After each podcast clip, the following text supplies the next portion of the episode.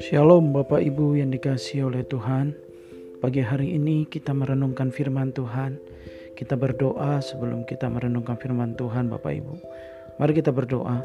Kami bersyukur untuk kebaikan Tuhan pagi hari ini. Kami diberi kesempatan kembali untuk merenungkan firman-Mu. Tuhan ajar kami. Tolong kami untuk memahami apa yang Tuhan mau dalam hidup kami. Belajar dari apa yang Engkau kehendaki untuk kami lakukan melalui kebenaran firman-Mu. Terima kasih ya Tuhan kami mengucap syukur dan berdoa. Kami siap merenungkan firman-Mu. Haleluya. Amin. Bapak Ibu Saudara yang dikasih oleh Tuhan, di dalam kehidupan ini sebagai orang Kristen, sebagai orang percaya, tentu kita harus hidup sesuai dengan kehendak Tuhan. Kita tidak boleh hidup sesuka-suka hati kita. Seberapa hebat pun kita dalam kehidupan ini, kita tidak boleh menjadi orang yang sombong. Tuhan tidak berkenan kepada orang-orang yang sombong, yang tinggi hati, Bapak Ibu Saudara. Firman Tuhan di dalam Hosea pasal yang ke-13 yang hari ini akan menjadi renungan kita Bapak Ibu Saudara adalah firman Tuhan yang, yang mengingatkan kepada kita bahwa kesombongan akan berakhir kepada kebinasaan. Orang-orang yang hidup di dalam meninggikan dirinya, di dalam menyembah kepada dirinya sendiri, kepada berhala, kepada apa yang dia buat, sekalipun itu adalah karya agung yang dia miliki, adalah orang yang akan berakhir kepada kebinasaan Bapak Ibu Saudara. Di dalam usia pasal yang ke-13, di sini judulnya merupakan murka Tuhan akan menimpa Efraim Bapak Ibu Saudara. Kalau kita membaca keseluruhan dari kitab Hosea, akan banyak sekali kita temukan tentang Efraim Bapak Ibu. Ada banyak sekali kita akan menemukan tentang uh, bagaimana firman Tuhan datang kepada Efraim. Pertanyaannya adalah mengapa Efraim menjadi salah satu suku yang sering disebutkan di dalam kitab Hosea Bapak Ibu Saudara. Karena Efraim adalah salah satu suku yang waktu itu sangat menonjol Bapak Ibu. Waktu itu memiliki kemampuan, memiliki kehebatan Bapak Ibu Saudara. Sehingga Efraim itu menjadi salah satu suku yang sangat diperhitungkan di zaman itu Bapak Ibu. Bahkan di dalam ayat, di dalam pasal ini sendiri pun diberikan catatan dan keterangan mengenai Efraim. Mengapa sampai Efraim ini menjadi salah satu suku yang penting. Suku yang menerima firman Tuhan. Secara khusus dalam kitab Hosea.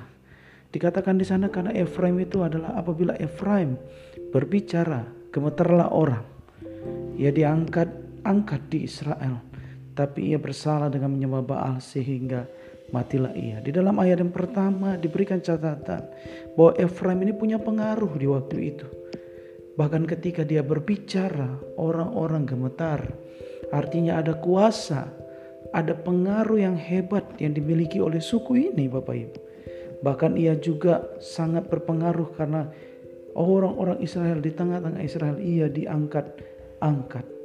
Tetapi kemudian di dalam ayat ini diberikan catatan terakhir yaitu Efraim yang hebat dan berpengaruh ini kemudian mengalami kematian, mengalami kebinasaan, mengalami kedukaan karena dia bersalah di mata Tuhan. Kesalahannya adalah dia menyembah kepada Baal. Bahkan bukan hanya kepada Baal yang menjadi dewa asing bagi orang Israel, yang Tuhan sudah larang berulang kali melalui nabi Tuhan. Tuhan mengatakan jangan pernah menyembah kepada Baal. Jangan pergi kepada Baal. Kalau kamu mengalami persoalan jangan pergi kepada Baal. Tetapi Efraim sama dengan raja-raja sebelumnya, sama dengan suku-suku yang lain.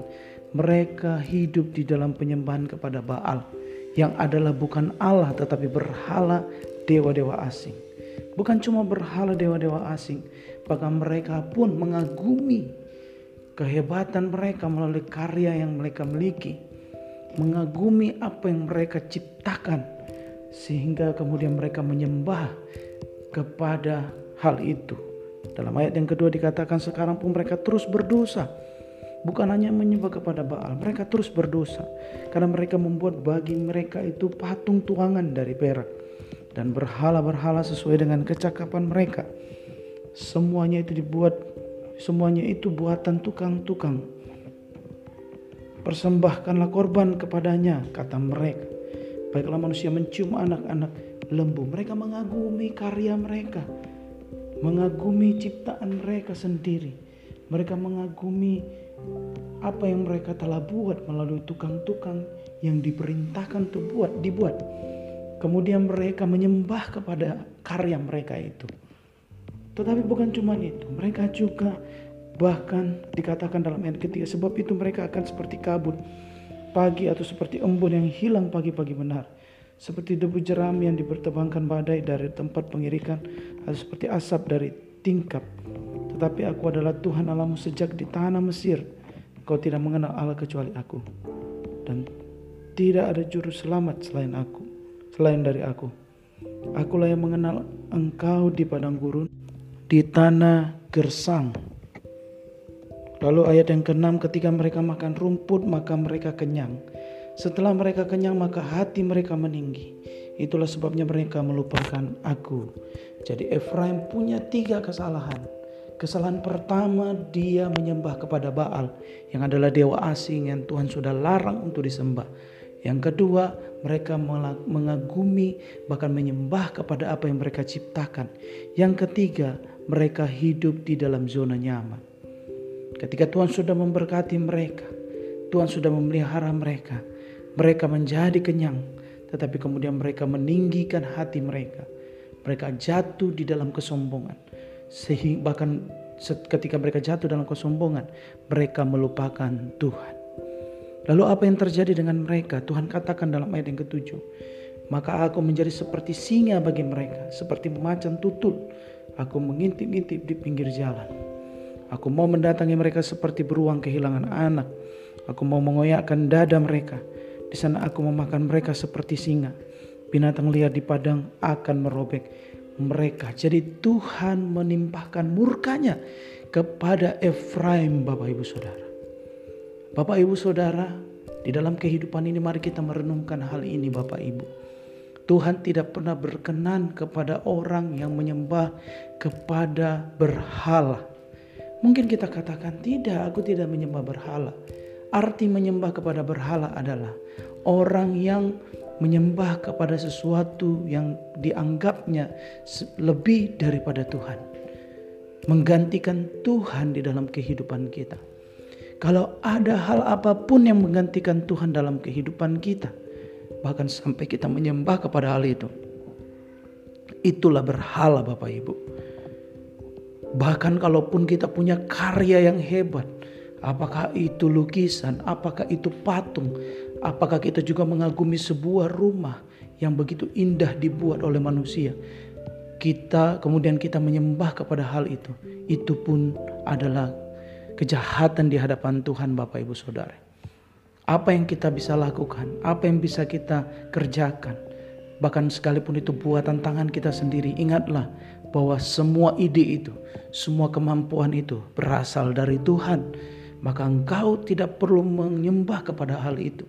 Engkau tidak perlu jat, sangat mengagumi hal itu sampai-sampai lebih mengagumi hal itu daripada mengagumi Tuhan.